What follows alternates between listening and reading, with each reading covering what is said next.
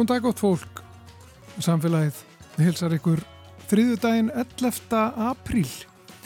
Þórildur Ólastóttir og Guðmundur Pálsson verða með ykkur í dag. Við ætlum hér á eftir að fá að vita allt um stórmerkilegt verkfæri sem kallast jöklastika. Í hvað var jöklastika eiginlega notuð? Við ræðum við mann sem er óvart helsti sérfræðingur heimsins í þessu dölarfulla og eldgamla hlut. Svo ætlum við eins og við höfum gert reglulega undanfarið að kynast starfsemi þjóðskjálasaps Íslands. Að þessu sinni ætlar Njörður Sigursson aðstóðar þjóðskjálavörður að fræða okkur um enga skjálasöpn og skoða með okkur áhugaverð skjöl. Svo er vorið komið, eða það er að minnst að kosti á næsta leiti, það fyrir allt eftir því hvernig þú lítur á þetta. En maður sér allavega að sífælt fleiri eru byrjaðið að þvó bílana sína af miklu móð og það er nú alveg merkjum að, að, að það sé farið að hlýna og veðrið að skána. En það er ekki sama hvernig það er gert, það að þvó bílana sína og svo hversu oft við eigum að þvó þá. Ungverðstofnun hefur í það minnsta ákveðnar skoðanir á þessu og við ætlum að heyra í þeim í þættinu. Svo fáum við líka pistil frá Páli Líndal umhverfis sálfræðingi. En byrjum á jöklastikku.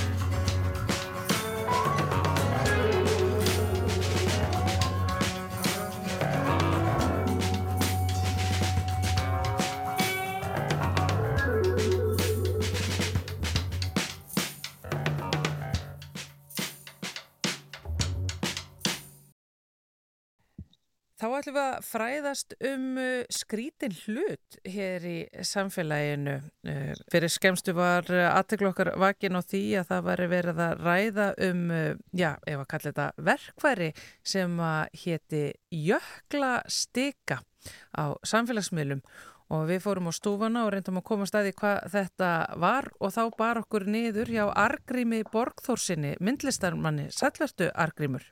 Sæl. Hvað er jöklastika? Uh, jöklastika er verkværi sem var notað áður en að, áður að brúað í öræfum og í gamla daga. Og hérna þá sem sagt þegar fólk þurfti að komast sem sagt uh, já, á milli landsluta þá í staðin fyrir það að fara yfir átnar þá var sem sagt gengi á jöklinum. Og sem sagt krekt fyrir átnar sem, sagt, sem uh, renna út úr, út úr hérna, jöklinum. Og mest nota á breyðamerkujökli mm. og, og sem sagt uh, þá var Sigurur Ingemyndarsson á kvískerum, hann var sem sagt leiðsögumar, þetta var álitið þjóðvegur þannig að hann hafði sem sagt það jobb að, að sagt leiðsega fólki yfir jökulinn. Og, og það er náttúrulega erfitt að ganga jökli og, og erfitt að rata. Og sem sagt leiðirna voru mertar og það er náttúrulega ekki að það nota venjulegar stíkur sem stingur niður í ísin því að það er bara detta og þá sérðu það ekki fjarlæð þannig að það voru smíður sérstök, sérstakar stíkur úr tré sem eru þannig í lægin að það get ekki leiði flatar þannig að það eru bara lagðar ofan á ísin og það er alltaf eitthvað sem stendur upp þannig að þú sérðu alltaf á fjarlæð og þetta er náttúrulega svolítið sniðulegst, það geta náttúrulega hreyfst eitthvað til og ísin náttúrulega alltaf á hreyfingu en, en þú svona nokkur negin merki hvar gungustýfurinn er með þessu, þannig að þú ert með nokkra svona og svo bara fylgjur þeim með svo stykkum á vennilegum gungulegum. En sko, nú erum við náttúrulega í útvarpi þannig að nú reynir töluvert á þig Angrimur að reyna að lýsa því þá hvernig jöklastika er í læginu. Já, þetta eru er önni þrjár stykur sem eru festa saman sem sagt, það er, uh, ú, já, þetta er alveg erfitt það er sem sagt uh, hotn á uh, Já, það myndir svona hotn, tvö hotn og hotnin sem þetta eru ekki, liggja ekki eins og þess vegna er alltaf hotn eða armur sem stendur upp alveg sama hvernig stíkan veldist. Uh, já, já, ég eiginlega veit ekki hvernig ég get útskipta betur. Ég við verðum bara hvetja hlustendu til þess að fletta þessu upp. Þetta er sko alveg rosalega eh, magnað tæki. Eh, hver í rauninni fann þá jöklastíkurna upp? Er það þá þeir á kvískerum?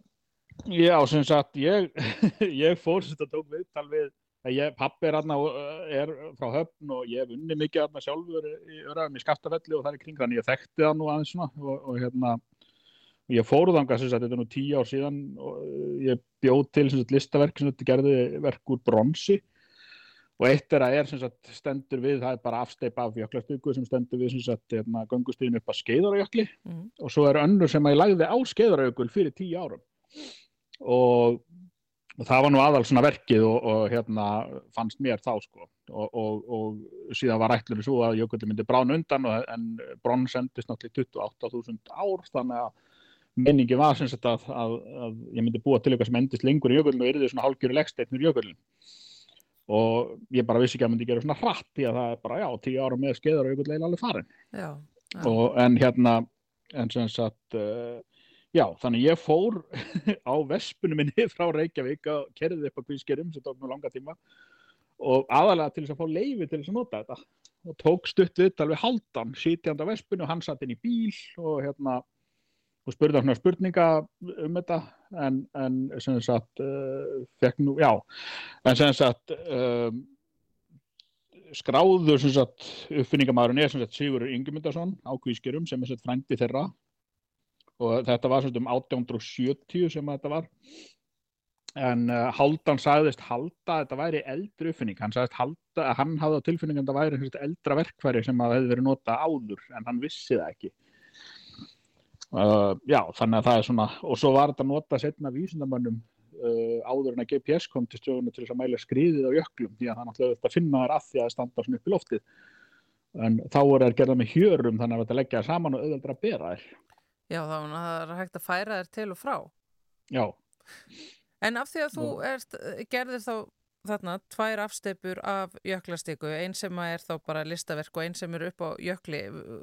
Þú settir þetta þarna, þetta er brons settir þetta þarna upp fyrir tíu árum. Veistu eitthvað hvað hún er núna? Settur ekki staðsettingatækja á þetta? Uh, jú, nei, ég settur ekki staðsettingatækja ég tók GPS-nýtt og ég fór tvísvar upp til að skoða og mældi og hún var búin að skriða fram um 30 metra og tapa einhverjum metrum að hæði þetta 7 metrum eitthvað slúið, það er nú ekki að marka sko því að jökullin skriður líka fram þannig að hann lækkar, þetta mælir ekki bara sem sagt, sem sagt hérna þetta mælir náttúrulega ekki bara hvað jökullin hefur bráðna því að náttúrulega framskriður náttúrulega, eða þegar hann skriður framverður hann líka lægri, þannig að þetta er mjög svona amatör hjá mér en það var nú aðalega bara til að sjá hvernig hann lit út og hvort hann var að byrja að sökva í ísin og svona sko. en svo 2005 átta minnum að það verið, þá var ekki að fara upp á jökulin lengur, þá var það lof hættulegt að því að hann var búin að brána svo mikið og erfitt að komast upp á sjálf á jökulin þannig að, að leifsögumæðurinn minn uh, sagði að þetta er það síðasta sem hann kemist hann upp. Og svo veit ég raun ekkert meir sko, nema bara já, uh, liggur örglega í ykkur lóni þarna, leiknaði með. En, en uh, veitir raun ekkert um örlög en þannig. Og, og það er allt í lagi því að það var bara hluta konseptinu að, að að, hérna, að vittneskjan um að hann væri hérna. Og það stendur á skildinum við stittuna upp að skeðurasjökli, það stendur sko á jöklinu fyrir framann einhver er önnu stika en, en það er náttúrulega ekki rétt lengur þegar jökullin náttúrulega sérst ekki það lengur. Já. þannig að já. Þannig að einmitt eins og segir, þetta er þá nánast eins og leggsteinn yfir jöklinum líka. Já, já. Og, og skemmtilegt að því leitinu til að þetta er verkverði sem ég sér hanna fyrir ísin og ísin er að hverfa og mér fannst það svona og kannski svona í huganum að einhver myndi rekast á þetta fordlega fræðingur eða eitthvað og ekki vita hvað þetta væri. Þetta væri bara eitthvað svona úr málmi sem að verkverði fyrir eitthvað sem bara er ekki tilnæma í hugum okkar eða svo leiðis Já. Það var svona hugsunin. Já, þetta er aðteklisvært en líka kannski pínulítið sorglegt eins og hlutinir eru að þróast. Já, já, það er það. Og, og ég hef nú verið aðna eins og sé í skattaðalli frá því að ég var barn og, og við vunnið aðna líka í þjókarðinum og, og það er mjög skrítið að sjá bara fjall sem að mann eftir í bernsku vera bara farið. Það er eiginlega bara ólýsanlegt mjög undarlegt. Þannig að jöklastika er í rauninni sko verkværi sem er hannað og er sér hannað fyrir þá jökla leiðsögn eh, til þess að koma sér yfir jökla.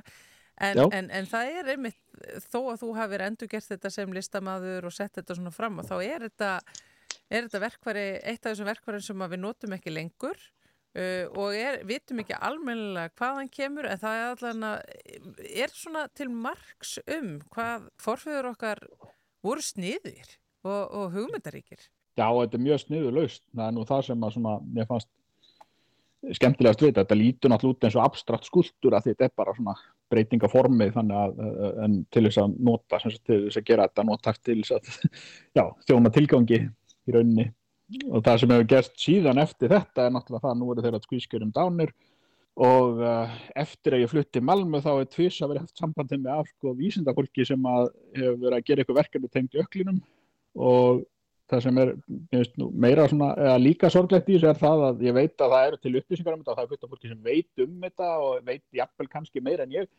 En ég er svo eini sem hefur tekið eitthvað viðtöl og ég hafði gerðið mér enga grein fyrir því á, á sínum tíma og, og uh, já þess vegna hefur tvissat verið haft sambandi með afvísina fólki frá bandaríkanum sem hefur verið að kanna jökul og menningu og ég mann ekki hvað hitt var, það var eitthvað með jöklegjara líka. Og en sagt, það sem kom á daginn er það að ég er fremst í sérfræðingur heimsins í jöklastykum og ég veit samt ekki mjög mikið sko því að ég áttaði mig ekkert á því að ég væri að sapna einhverju vittnesku sem maður væri ekki til eða að þessi viðtölið aldrei verið tekinn eða, eða neitt svoleið sko.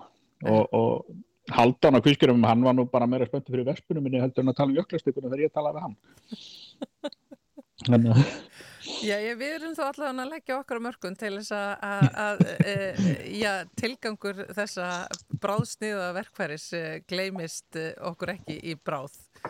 Þannig að það er allavega komið hérna fram. Argrímur e, Borgþórsson, myndlistamæður, takk hérlega fyrir að spjalla hérna við okkur í samfélaginu. Takk sem við leiðis.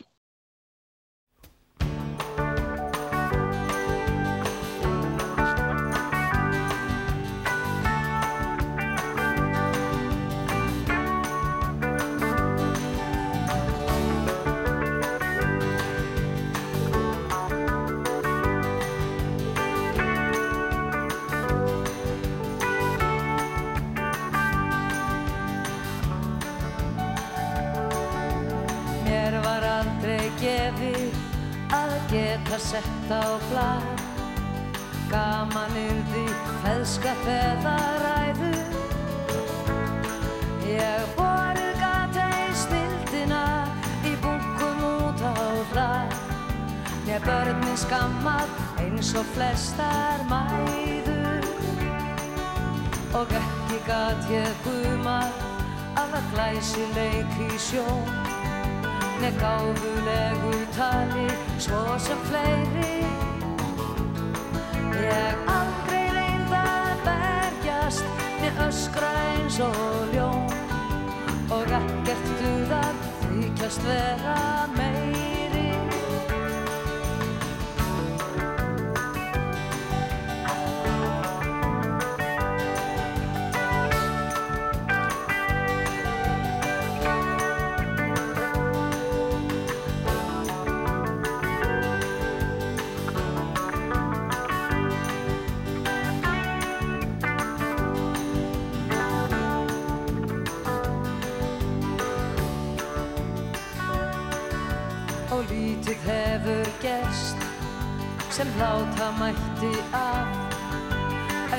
ljós á veginn kom þó nokkuð snemma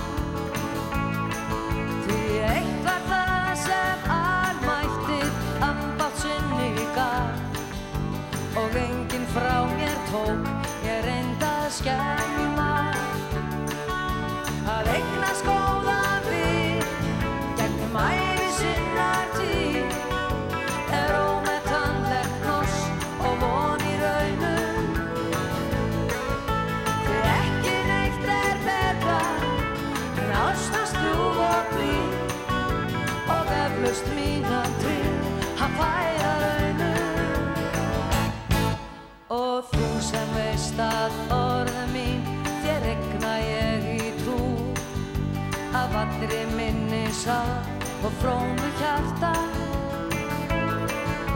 Sjáðu til, það verður aðeins einu sinni þú sem áttu mitt líf með honum daga bjarta Sjáðu til, það verður aðeins einu sinni þú sem áttu mitt líf með honum daga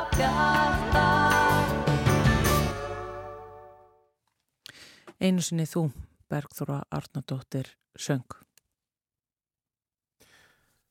Við höfum undarfartar vikur uh, og mánuði kynnt okkur starfsemi þjóðskjálasaps Íslands og uh, höfum fengið að skoða ímislegt sem leynist í því ágætasafni og fengið að fræðast um uh, starfsemina þar. Og núna er hann sestur hérna hjá okkur uh, Njörður Sigursson, hann er aðstóður þjóðskjálaverðs, verður velkominn til okkar. Takk fyrir. Þú ætlaði að segja okkur aðeins frá enga skjálasöfnum, ekki sett? Jú, enga skjálasöfn, það er nú skemmtilegur heimildaflokkur. Það eru skjöl annar af þeirri sem eru skildur að aðfenda skjöl til sapsins, semst á skjálasöfn, einstaklinga, félaga, félagsamtaka og fyrirtækja. Og í þjóðskjálasafnir var veitt stærsta sapn engaskjala á, landinu. Við erum með þúsundir engaskjálasafna sem telja þúsundir hillumetra og það við teljum sapkostin alltaf þannig. Og þetta eru alls konar gögn, þetta eru dagbækur, bref, ljósmyndir, uh, skýslur og svo framvegs. Það er raun að vera allt sem hefur orðið til í starfsemi þá félaga og félagsamtaka, funda að gera bæku til dæmis og svo allt sem að við kemur þá uh, í skjálusöfna einstakling, allt sem við kemur lífi þeirra og störfum og, og þetta eru mjög mikilvæg heimildir sem að varpa ofta öðru ljósi á söguna heldur en til dæmis ofinberu skjölin og rítuð, eða prentuð heimildinar. Þannig að ofinber skjálusöfna á landinu hafa einmitt verið að sapna enga skjálusöfnum einmitt til þess að svona fylla betur inn í söguna, getum orðað þannig að sapkostur endur speikli sem best sögun á hverjum tíma eða, eða hvernig samfélagi var. Já, og hvaða reglur gilda um svona þessi enga skjálasöfn? Er, er, þetta, er þetta hver sem er í rauninni eða hvaða starfsemi sem er eða hvaða félagsamtök sem er eða hvaða einstaklingur sem er sem getur lagt bara á borðið enga skjálasöfn? Já, það er akkurat málið og við viljum einmitt fá skjöl frá öllum kímum samfélagsins, frá öllum stjættum, öllum félagsamtökum, eða ekki öllum, eða að segja svona úrval af, uh, frá félagsamtökum og fyrirtækjum, svo að þetta svona endur speil sem best söguna. Við viljum kannski ekki varvita skjál svona allra útgerrafélaga en eitthvað, eitthvað dæmi um það, svo við svona, uh, svo fræðum en framtíðanar geti rannsakað samfélagið til dæmis að 2001. öld að þá viljum við gerðnan að fá, fá þessi skjöl til varfislu. En þannig er það vantalega getur verið viðkvæm gögn? Algjörlega, eins og í öllum skjölum og aðfendingar aðalega geta sett skilirði um aðgengi að skjölunum og þeir geta ákveði til dæmis að einhver gögn séu lokuð í alltaf 80 ár og það geta þá verið viðkomar upplýsingar, fjárhás upplýsingar, jafnvel annað Uh, ástabrifin frá mamma og pappa sem maður skilar á skjálasafnið og maður kæri sér ekki um að uh, okkar kynslu komist í þau gögn að þá getur afhendingar aðalinn lokað í, í alltaf 80 ár. Já, er það algengt að það sé lokað á þetta? Það er svona, já, það er beðum með reglulega allavega og við virðum það alltaf og okkar markmið sem að vinnum á skjálasafnunum það er að tryggja varfiðslu aðgengi heimildum. Þó að okkar kynsluð og jafnveg næsta kynsluð hafi ekki aðgang gögnunum þá mun, þá mun það vera aðgengilegt í framtíðin og verða þá sögulega heimildir. Og þarna eru sko alls konar uh, gögn og þetta eru ímis söfn sem að hafa komist í ykkar ykkar umsjón. Um, þarna eru fyrirhandi fórsetar til dæmis sem eru henn lifandi og, og uh, kannski þáttakendur í þjóðmálaumræðu en þá ég ætla ekki að nefna nöfnum, kannski þar er sekkent úr því sem komið er, en, en það, það er til dæmis bara stórt skjálasap frá fyrirhandi fórsetta, kvíli leint til dæmis yfir, yfir því samni? Já, uh, þú ert að vísa hér í skjálasap Nóla Sargnar Skrimssonar sem að hann afhendi árið 2016 þegar hann lauk uh, sinni fórsetta tíð og þá fóru við hópu starfsfólks á uh, Bessastadi og sóttum þar uh, nokkur vörubretti af skjölum. Þau fóru í framhaldunni frágangi í þjóðskjálasafni og, og það er svona verið að ganga frá samningi um aðgengi að, að þeim skjölum. En ég veit að hann hefur áhuga að hafa þetta eins opið og hægt er.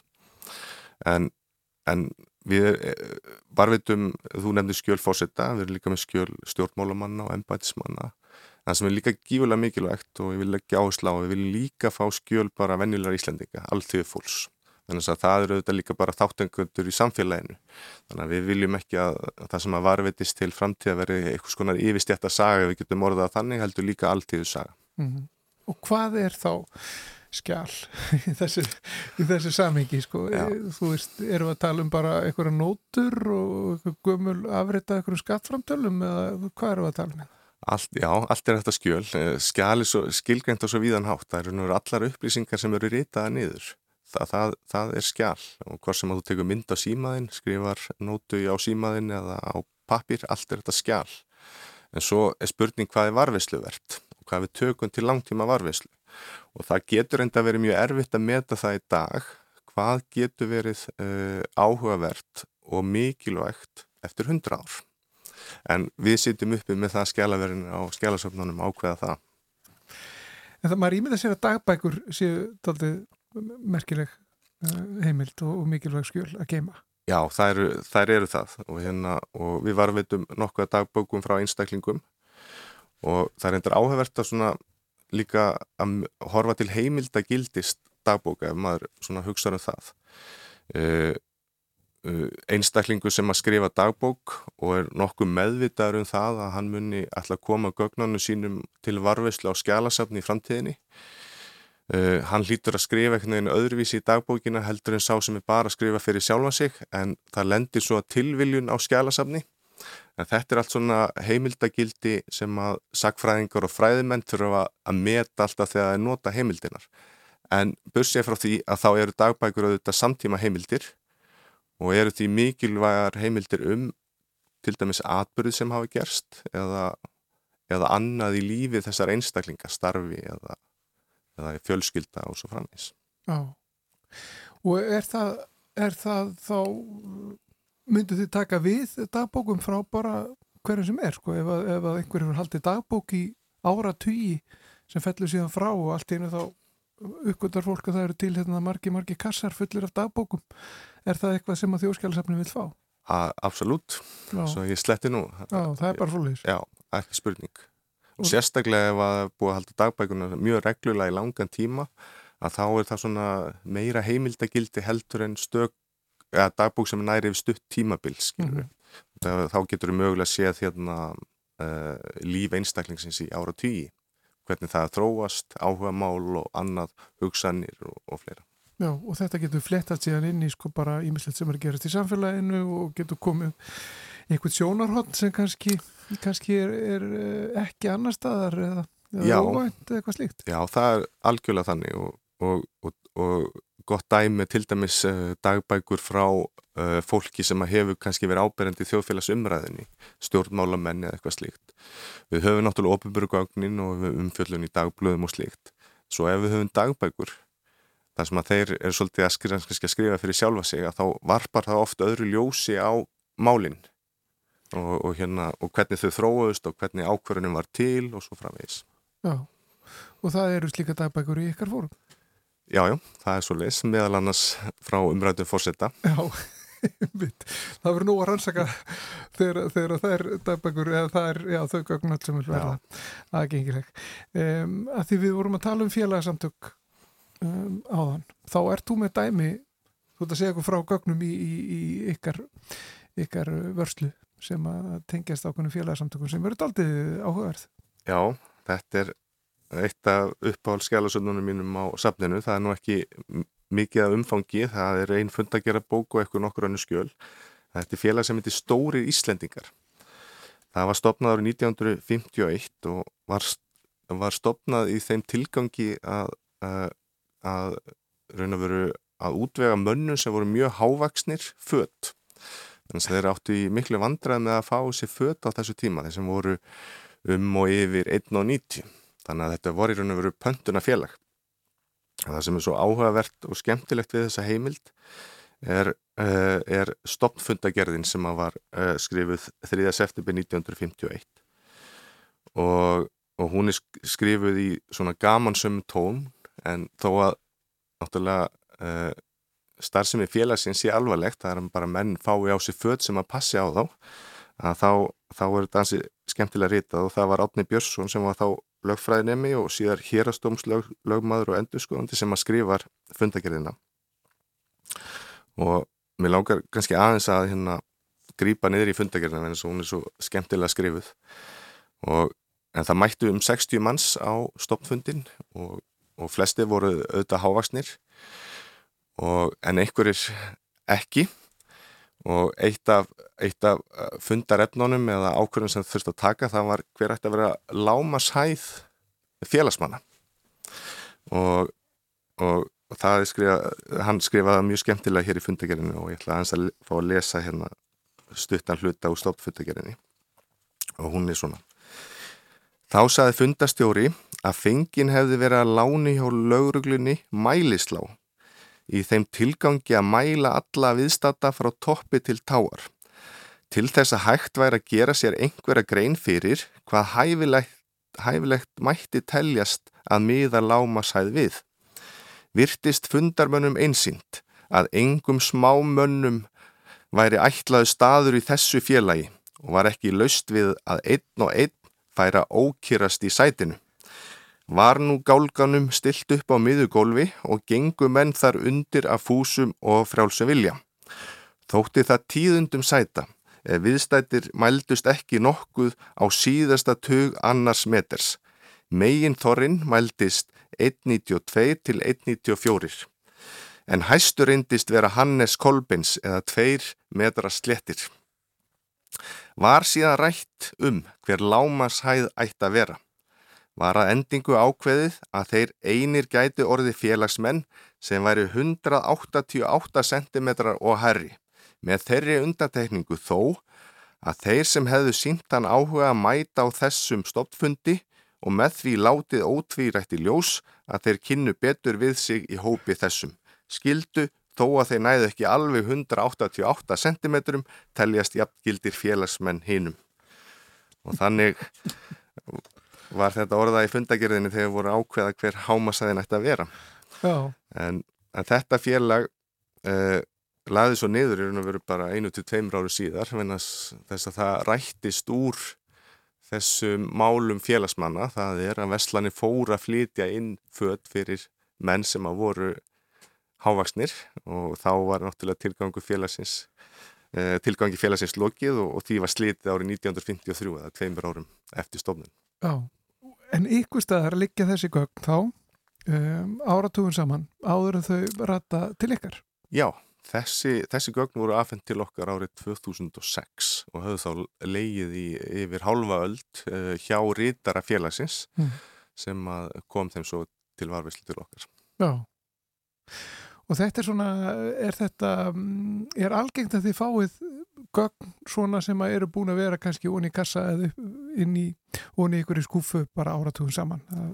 Já, það, það er mjög algengt að, að það gerist og oft er að þegar vera að ganga frá búslóðum eða dánarbúum eða eitthvað slikt að þá eru uh, börn að koma með gögn fóröldar sinna að jæfnilega af og ömmu mm til mhm. varvislu þannig að það er oftast annig en auðvitað gerist það líka að menn er að koma með sín eigin gögn til varvislu uh, þannig að þetta er svona á, á ymsan átt um, Þú varst með einhver fleiri dæmi fyrir okkur, eða ekki? Það... Já, ég nefndi, þú nefndir hérna dagbækur á þann og við varvitum skjálasapn uh, Geirs Hallgrímssonar uh, sem var uh, stjórnmálafóringi á 20. öld og margir kannast við, hann var borgastjóri Reykjavík, borgafulltrúi þingmaður, formaði sjálfstæðarflokksins fósittir ráðherra og auðverkir og það er mjög áhugaverð að yngsta skjalið í skjalasamni Geirs er, eru engunir hans úr Ísaksskóla, els, elsta skjalið og svo er yngsta skjalið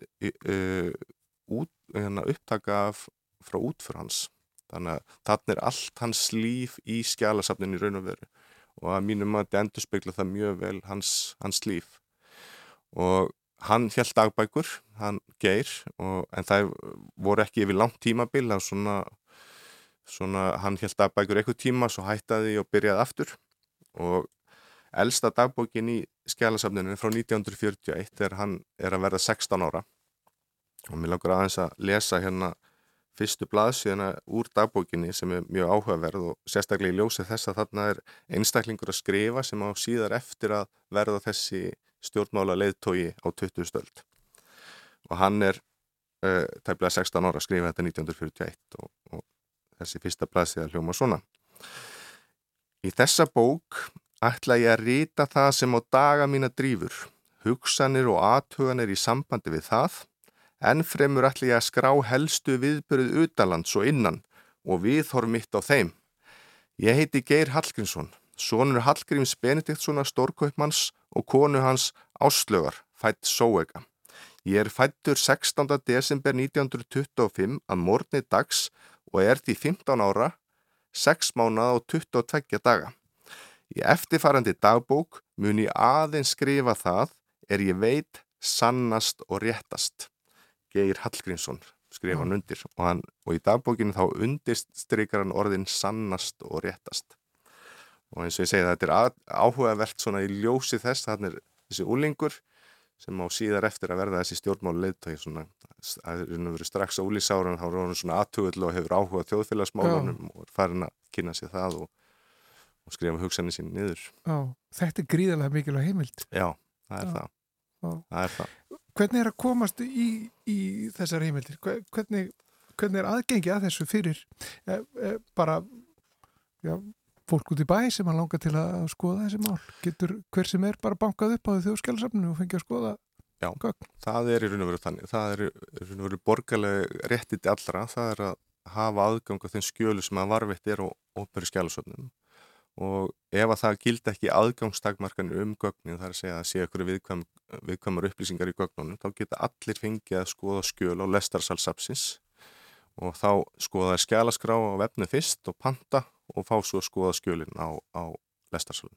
Já, ef einhver er að rannsaka eitthvað máli eða skrifa bóka eitthvað slíkt þar sem að svona gögn getur komið að miklum notum, eh, getur fólk þá fengið afhend gögn eða afritu eða eitthvað slíkt? Já, já, það er alltaf að fá gögnin afrituð en við lánu þau í raun og veru aldrei út úr húsi þannig að það eru þetta bara til eitt eintaka hverju skjali og við viljum ekki tapa þeim en það er að koma á lestarsælinn, fá afrit þar og þjóðskjálisamn hefur líka undarfærin ár verið að afrita gögn og byrta á vefnum sem eru mikið nótuð og það er til dæs prestjónustu bækur og slíkt þannig að við höfum svona farið þá, þá leitt en það er ekkert mál að fá afrit ef áþarf að halda. Já. Þetta er mjög áhugavert. Njörður Sigursson, aðstofast þjóðskjálaförður og gafan að fá því heimsókn. Takk fyrir að segja okkur frá, frá þessum, þessum miklu heimildum og, og sína okkur þessi skjöl og segja okkur frá þeim. Takk hjá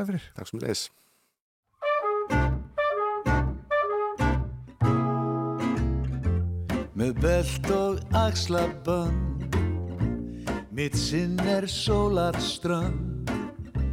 Afröklir í aðra rönd. Brosa við miljón manns. Sé á þér brúnin þung.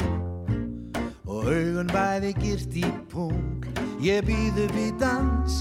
Ég lödra gegnum lífið með glans. Bidi-bap, bidi-bap, bidi-bap Með glans Hef ávalt yfir hönd. Með glans. Í broks á barðaströnd. Já með glans. Finnst þeir fýtnum könnulönd. Kjör eintak herra manns. Sem rýmar við glans. Sé á þér brúnin þung. Ú, Og augun bæði girt í pung. Ég býð upp í dans. Ég lödra gegnum lífið með glans. Bidi-bap, bidi-bap, bidi-bap ba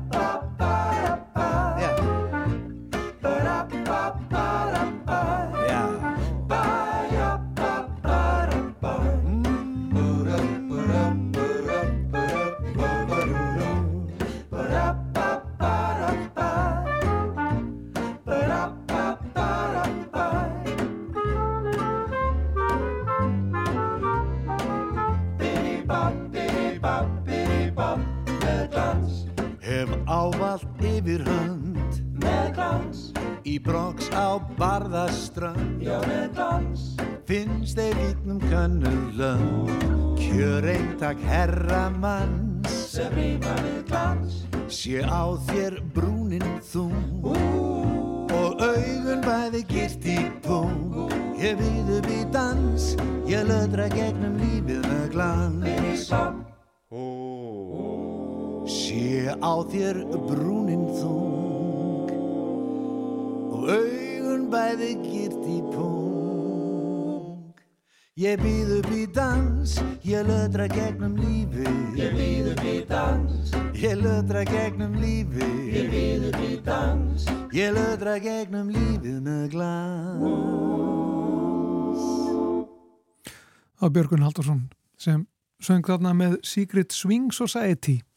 Lag sem heitir Glans En eh, við tókum eftir því hér í samfélaginu að eitt af því sem fylgir vorinu er kannski merkjum að vorið og jáfnveil sömarið eh, sé svona á næsta leiti það er að fólk fer að þvó bílana sína af miklu móð. Það er einhvern veginn eins og þú komur undan vetri og hugsir, já nú það er bílin En e, þá rifiðast upp fyrir okkur að umhverjastofnun hefur alveg ákveðna skoðunar á því e, hvernig og hvort og hvar við þvóum bílan okkar. Og þess vegna er hún komin hingað á línuna til okkar, Marían Jensdóttir, sem er verkefnastjóri vatnamála hjá umhverjastofnun. Sælverstu, Marían? Já, sælverði. Sko, eh, hvað er þetta með bílaþvottin? Áhverju er hann svona mengandi og áhverju hafið þið gert aðtöðasendir við þetta? Við höfum aðalega verið að vikja svona aðtekli á þessi gegnum tíðina af því að hérna það ber nú gæðan að því að fólk er að þó bílanum sína út á bílakannum heimi hjá sér. Og það er kannski eitt sem að margir áttu sig ekki alveg á í því samingi er að, að þessi efni sem við erum að nota þau berast í niðurföllin. Og þar leðandi rennaði út í næsta strömmvatnunum fyrir að næsta á. Og það svona er ekki kannski það sem við viljum sjá í vatna umhverfinu Ah. Þannig að við höfum verið að hvetja fólk svona til þess að, að fara frekar á bílaþóttaplönin eða að leita annara lausna í þessu falli. Það er þetta með þá niðurföllin uh, að það sem að maður, einhvern veginn það sem að fer niður í niðurföllin, maður hugsaður um fer þetta ekki allt á sama stað en er munur á uh, niðurfalli á bílaþóttastöð og niðurfallinu bara í heimreiðinu heima hjá manni?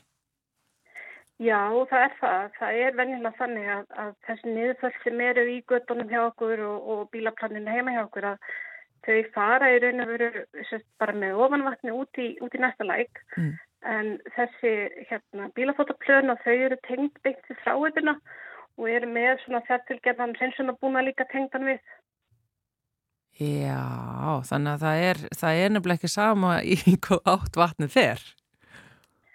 Nei, það er akkurat það. Og svo líka þetta sko að, hérna með svona þessar listu sem við höfum verið að benda á að, hérna e, til dæmis það að, að få bílinu eða svolítið sjálfnar að hérna og svona vil gerna þannig að fólk getur vilja að få bílana sína sem er alltaf gaman að hafa fínan og reyna bíl og svona.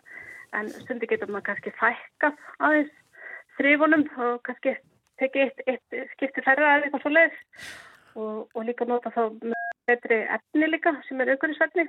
Já, er það þá bara svona eins og sápan eða veist, er til umhverja tjörurhreinsir? Já, ég minnir það nú. Uh, ég er nú ekki efnifræðingur sjálf en, en mér minnir að það sé svona uh, umhverjusverðni efni.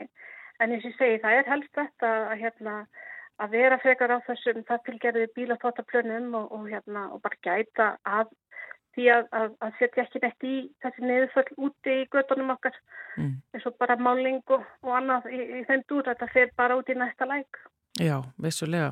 En það er einmitt þetta með eh, hérna, ef maður skildi vilja fara og, og finna svona umhverfisvætni í bílaþóttasápu, er, er það þá ekki bara alltaf svansmyrki sem maður er að horfa eftir?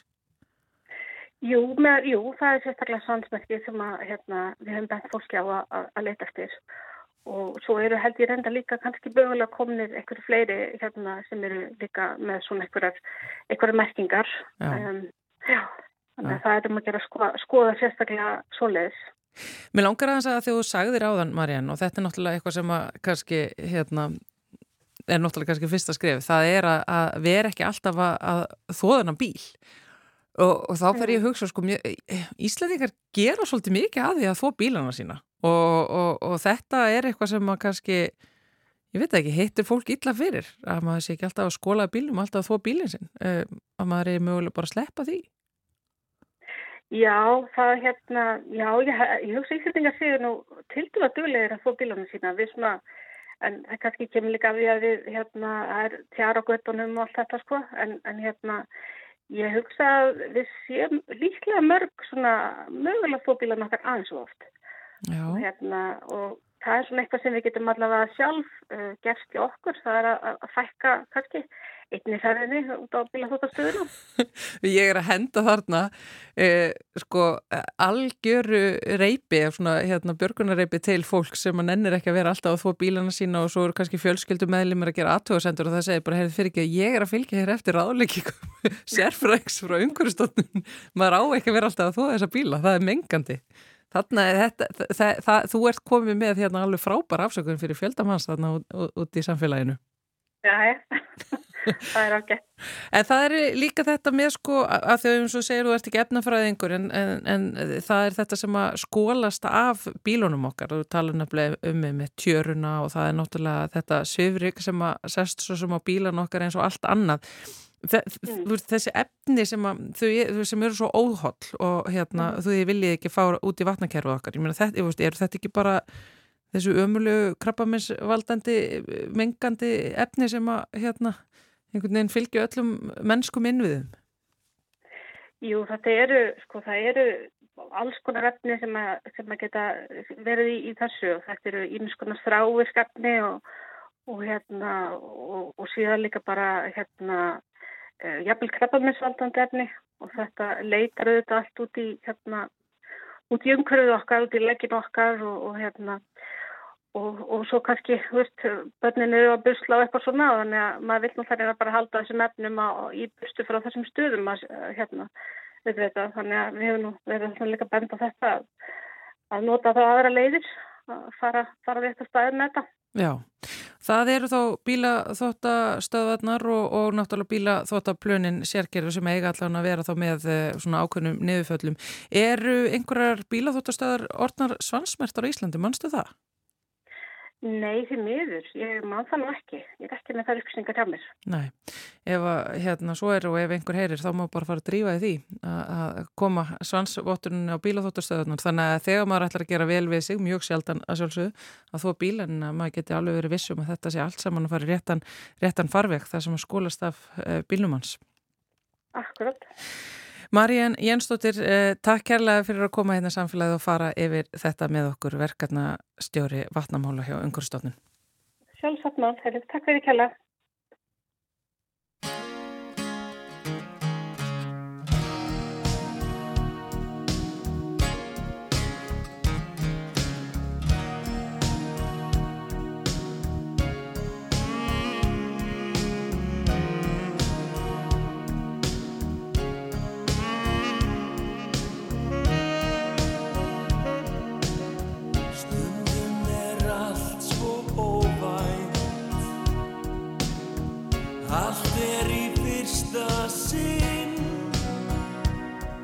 Ég heyrði svo vel hvert einasta orð en engu þeirra hleyft ég inn. Ég vissi hvað þú varst að segja Sá varir þínar mynda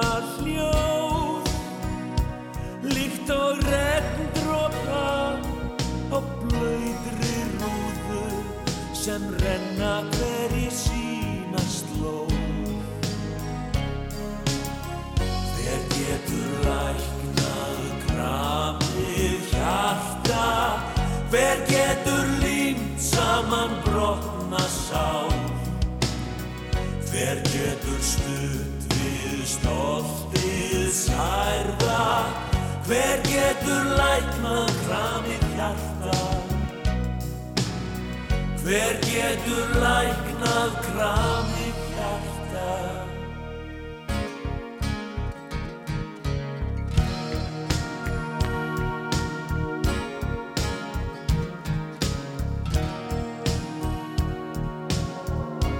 Þú leist aldrei aftur Hver andar dráttur færði Tíminn stóð kyrr eins og svartur kvartur yfir bráðsynni með beittar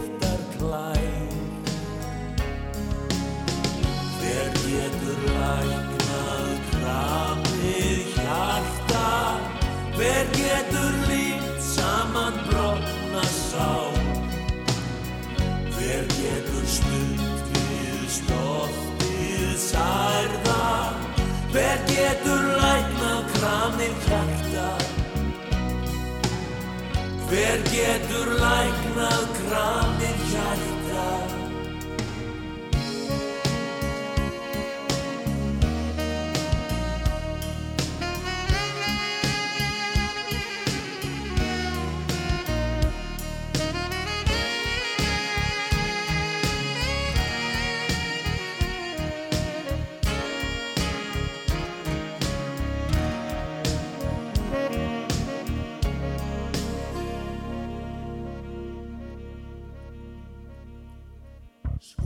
Svo komu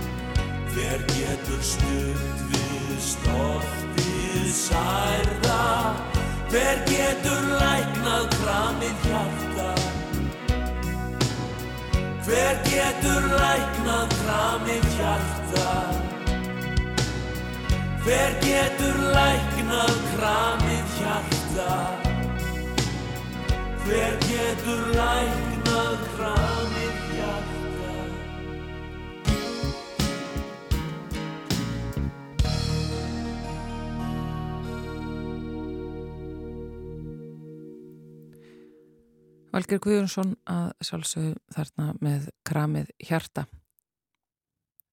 En uh, þá er komið að uh, pisli frá Páli Líndal, umhverjus sálfræðingi hér hjá okkur í samfélaginu. Pál tekur við. Það var í byrjun november árið 2020 að sá sem hér talar hjælt sinn fyrsta pistil um umhverjus sálfræði hér í samfélaginu. Og við það tækifæri þá setti ég með markmið. Ég ætlaði að koma 50 pistlum í loftið. Og í dag er markmiðinu náð, því hér er fluttur 50. pistillin. Ég vona svo sannarlega að þessi pistlar hafið opna augu einhverja, en tilgangu þeirra hefur fyrst og síðast verið að koma umhverjissálfræði á dagskrá. Að ber út boðskap þessara fræða, að vekja sem flesta til vitundar um mikilvægi umhverfisins fyrir okkur, fyrir helsu okkar, líðan og tilvist og vona að sem flestir, sem allra flestir, hoppi á vagn umhverfi sálfræðinar og tali fyrir henni. Umhverfið er nefnilega sífælt umræðuefni og sífæltur áhrifavaldur, þó við áttum okkur oft ekki á því. Sumt umhverfi sækju við í, annað forðumst við, sumt umhverfi finnst okkur fallegt, annað ljótt og enn annað bara allt í lagi. Við tökum ákvarðanir út frá umhverfinu Umhverfið hefur sitt að segja hver skal haldið í fríum, hvort við förum til Tenerife, á skýði, í gönguferðir, í sumabústæðin, sund, í heiðmörk eða kjarnaskó. Við ræðum um þéttingu byggðar, við ræðum um útlitt bygginga og horfum á innlitt útlitt. Borgarlínan er vinsalt umræðuefni, sem og fiskeldi í sjó og vindmilur, lagning vega, ræktun skóa og uppgræðsla. Við ræðum um uppröðun húsgagna og glukkatjöld, veggmálingu, hvort betra sé að vinna í opnu rými eða lokuðu. Við ræðum um hellulagningu, blómarækt, stígagerð, stórkoslegt umhverfi og hverstaslegt umhverfi, hvað megi bæta og hvað er vel gert. Við ræðum uppbyggingu, arkitektur og landsbjöll. Við tölum um vindin, rigninguna, hitastíð og hverfurleika Íslengs veðufars og þegar lagðirnar streyma til okkar í röðum spyrjum við okkur stundum af hverju býja á þessu landi.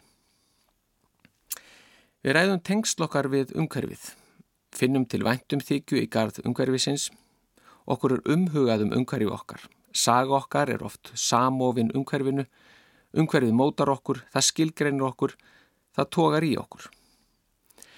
Kona mín, hún Sigurlaug sem alltaf er köllu lauga, er skakferðingur og veit ekkert betra umhverfi í þessum heimi en skagafjörð. Í gegnum meira en 25 ára samleð okkar hefur hún nær undatekningarlaust sagt hátulegum rómi og með liftandri augnaráði Sérðu hvað þetta er fallegt?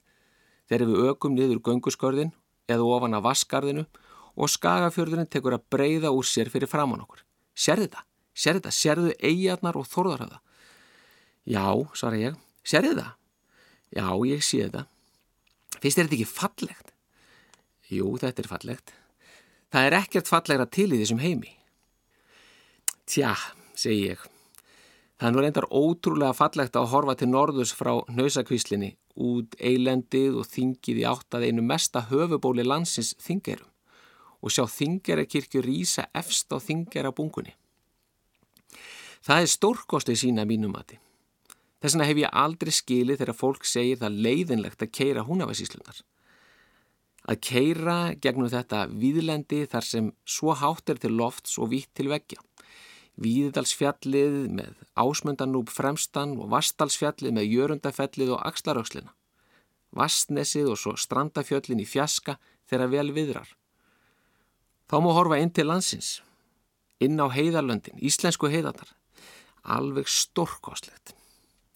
Borgafjörður hinn vestri er einni stórkostlegur með skarsheiðina að sunnanverðu, dalina og bugðóttar ár, grasivaksinn tún og engi, útsýni vestur á Mýrar og á Snæfellsjökul og þá má ekki gleyma Eiríksjökli. Lauga játar því að þetta sé nú alveg fallegt en jafnist nú ekkert á í skagaferðin og ekkert plás stendst söðarkróki snúning. Núnum páskana vorum við mitt á króknum og fórum í göngutúr.